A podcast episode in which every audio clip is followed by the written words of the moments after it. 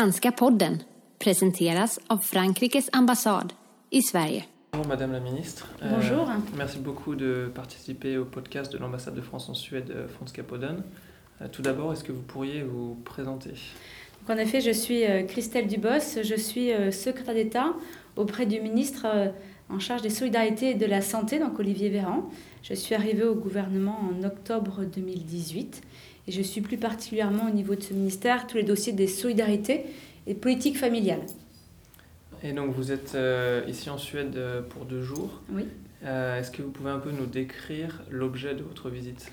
Je suis venue euh, en Suède pour regarder ce qui se fait ici en termes de politique familiale. J'étais cet après-midi à la commune, à la ville euh, de Stockholm, rencontrer euh, les responsables des écoles, alors, ce qu'on appelle écoles euh, en, préscolaire, euh, puisque euh, du coup vous avez un système qui est différent euh, qu'en France, puisqu'en France nous avons des modes de garde pour euh, de 3 mois à 3 ans de l'enfant, que ce soit des crèches ou des assistantes maternelles. Et puis après, on a l'école qui est de 3 à 6 ans, qui était non obligatoire, qui devient obligatoire, euh, euh, qui est devenue obligatoire depuis le 1er septembre euh, 2019. Et donc, j'ai rencontré euh, cette euh, responsable de structure et j'étais après dans une crèche, comme vous appelez chez vous, dans, un- dans une école euh, périscolaire ou préscolaire, de façon à rencontrer, à visiter, à pouvoir discuter avec les professionnels et voir un petit peu les différents modèles sur cette question de l'accueil des jeunes enfants.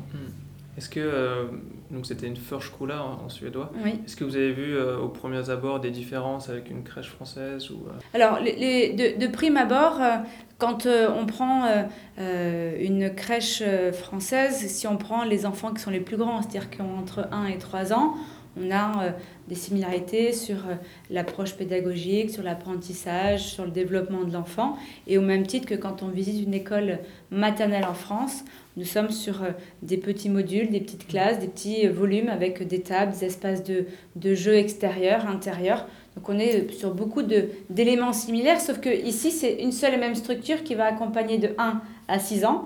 En France, nous avons euh, moins d'un an jusqu'aux 3 ans et après on passe à l'école de 3 à 6 ans. Et justement, si on compare les deux systèmes, euh, quels seraient les, les avantages, les inconvénients de, du système suédois par rapport au système français? Alors, on, on a, euh, on, on a différents, différents éléments. Sur d'abord euh, la philosophie, l'apprentissage, le développement de l'enfant, il est le même. C'est lui donner les mêmes chances de réussite quand il va rentrer à l'école à 6 ans. Euh, cette école qui devient obligatoire, c'est la pré-apprentissage, c'est euh, l'apprentissage de vivre en collectivité, sur euh, la socialisation avec d'autres enfants. On a exactement les mêmes objectifs et les mêmes inquiétudes quand on sait que vous avez à peu près, enfin sur la ville de Stockholm, à peu près 6 000 enfants, presque 5%, qui ne vont pas dans ces structures préscolaires. Nous avons les mêmes inquiétudes aussi en France, où nous avons des enfants qui ne vont pas en crèche ou qui ne vont pas à l'école maternelle. C'est pour ça qu'on a rendu l'école obligatoire dès 3 ans, de façon à ce qu'il y ait euh, les mêmes chances de réussite derrière. Après, nous avons une particularité qui est pour nous... euh, différente et importante, c'est que nous pouvons faire garder nos enfants dès trois mois. Dès que l'enfant a trois mois chez nous en France, ici, il faut attendre un an. C'est la question de la conciliation vie familiale, vie professionnelle. Je crois que c'est aussi une question de culture. C'est une question euh, d'accès euh, à l'emploi et de culture, et aussi une, question de culture par rapport aux Françaises et aux Français, et par rapport aussi aux employeurs. Donc, euh, on a peut-être des choses à faire converger.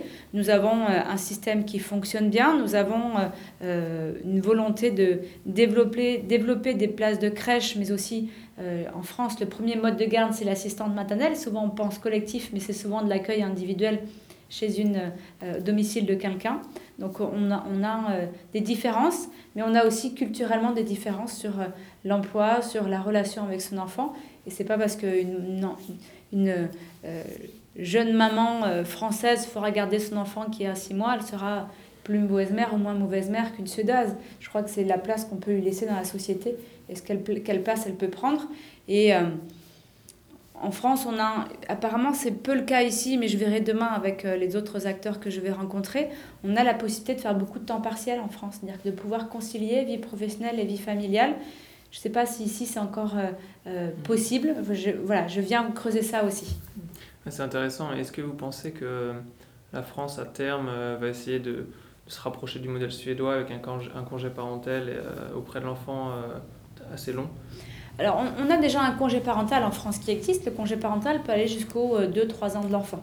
Donc, quelqu'un qui souhaite s'arrêter de travailler peut avoir une aide des services de la CAF, donc service de l'État, pour pouvoir garder son enfant. C'est son choix, au même titre qu'elle a des aides pour faire garder son enfant en crèche ou avec une assistante maternelle. Donc, ce libre choix, il, est laissé déjà. Ce que nous voyons, c'est euh, l'évolution surtout du congé paternel. La place du papa dès le plus jeune âge au niveau de l'enfant. On a actuellement euh, un droit en France qui est euh, de, en gros 15 jours, si je schématise, de 15 jours pour le papa, qui est non obligatoire et sur lequel on a encore bon nombre de papas qui ne le prennent pas parce que c'est culturellement ça se fait pas encore. Et donc euh, euh, et puis parce que la prise en charge euh, du congé maternité était très liée, était très médicale. Suite à un accouchement, c'était la maman qui devait être près de avec son enfant pour qu'elle aussi physiologiquement elle puisse aller mieux pour après reprendre le travail et reprendre la vie, je dirais, de tous les jours. Donc on voit bien l'évolution de la société, on voit bien les papas qui ont besoin de cette place, qui ont besoin de cette reconnaissance auprès de leur enfant et par la société. On a encore à faire évoluer nos, des mentalités, que ce soit les papas ou la société ou les entreprises. C'est ce à quoi nous travaillons. Est-ce qu'il faut rendre ce congé paternité obligatoire? Nous travaillons avec mes collègues Adrien Taquet et Marlène Chapin. On travaille à cette question en effet de la place du papa. Et puis le congé maternité parental existe. Est-ce qu'il faut le faire évoluer? On se posera des questions aussi là-dessus. Parce qu'au final, c'est aussi une question finalement d'égalité homme-femme avec des impacts euh, sur les carrières professionnelles. Euh, Tout à fait. Exactement. Euh, notre, notre objectif, quand on, regarde un petit peu les différents modèles et comment est-ce qu'on peut faire évoluer notre modèle, pour moi, j'ai deux objectifs. C'est qu'on réponde aux besoins de nos concitoyens et qu'on puisse faire évoluer nos politiques publiques ou nos politiques familiales en fonction de l'évolution de la société et ce n'est pas aux familles de s'adapter.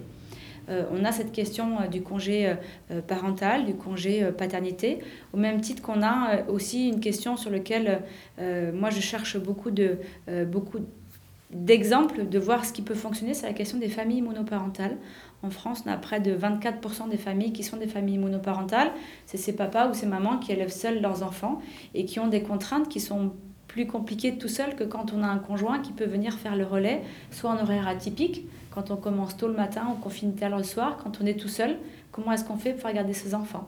Comment est-ce qu'on fait quand euh, on a euh, son enfant qui est malade et qu'on est tout seul et qu'il n'y a pas un conjoint qui peut avoir quelques jours supplémentaires pour enfant malade Tous ces sujets sont des sujets euh, de préoccupation sur lesquels c'est là où je dis que nos politiques familiales doivent s'adapter à la société. Il y a dix ans de ça, on avait moins de familles monoparentales. On en a de plus en plus. Qu'est-ce qu'on peut leur apporter comme réponse? Et une des réponses que nous mettons en place euh, en France à partir du mois de juin, c'est de garantir ce versement de la pension alimentaire euh, qui euh, était encore un droit trop longtemps bafoué en France. Donc nous y travaillons. D'accord. Et finalement, qu'est-ce que vous pensez?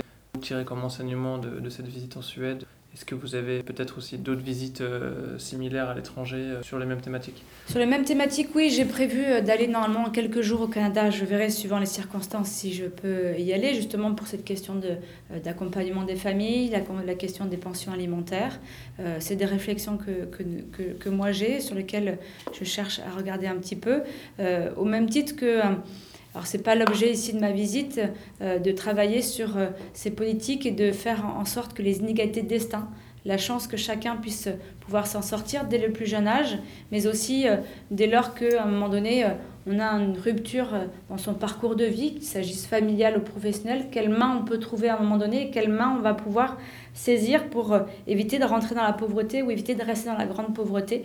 Donc c'est tout ce travail-là aussi avec notre système de protection sociale que nous avons en France qui date, qui fonctionne, mais sur lequel je pense qu'on peut lui faire passer un cran supplémentaire, c'est-à-dire qui protège, mais surtout qui assure de ne pas y rester dans la pauvreté, mais qui fait, qui fait en sorte qu'on en sorte.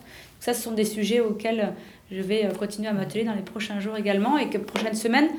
Mais l'objectif de ma visite ici, c'était vraiment, euh, dans Suède, c'était vraiment la question des politiques familiales, le mode de garde, la, vie, la conciliation vie familiale, vie professionnelle, et voir comment ça se passe. Je suis allée en Allemagne, je suis allée voir la secrétaire d'État euh, allemande sur ces mêmes sujets. On voit qu'il y a encore une autre façon, une autre approche.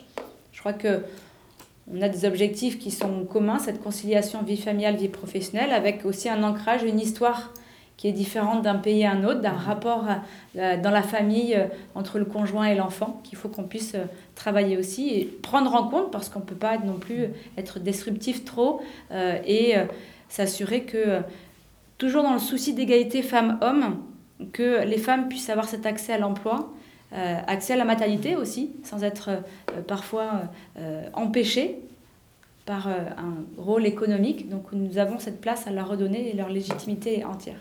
Donc finalement des objectifs communs qui sont fondés sur des valeurs d'égalité homme-femme, des communes, mais des moyens d'y parvenir euh, assez différents en fonction des cultures de chaque pays. Euh. En fonction des cultures et du schéma. En France, vous avez euh, l'État avec des caisses nationales, ce qu'on appelle les caisses d'allocation familiale, qui vont avoir des moyens de l'État et qui vont aller financer des crèches, des assistantes maternelles et qui vont financer tout le système de protection familiale, de politique familiale.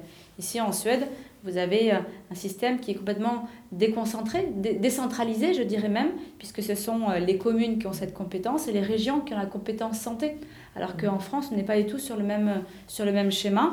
Même si les communes en France portent cette politique petite enfance, elle est encore facultative. Donc vous avez des endroits où si un maire ou un élu ne veut pas mettre en place des crèches, il n'y en a aucune obligation. Hmm.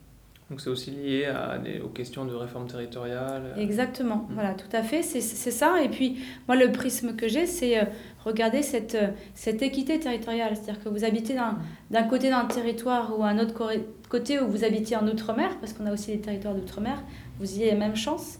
La même chance d'accéder euh, à ces services-là, la même chance de pouvoir y accéder quelles que soient vos ressources et surtout cette liberté de choix parce que je tiens à le rappeler, en France, notre premier mode de garde, c'est quand même l'assistante maternelle. Quand ton enfant a moins de 3 ans, on peut le faire garder, euh, soit chez soi, soit auprès d'une dame, une assistante maternelle qui est agréée, donc qui a bien les capacités, qui est une vraie professionnelle de la petite enfance, et sur lequel euh, on doit pouvoir, et c'est ce que l'on fait, éviter que les familles fassent l'avance des frais, éviter que les familles aient trop de frais sur ce mode de garde. C'est ce que nous faisons, mais on a encore peut-être des choses à inventer. Merci beaucoup, Madame la Ministre, et excellente fin de visite en Suède. Merci beaucoup.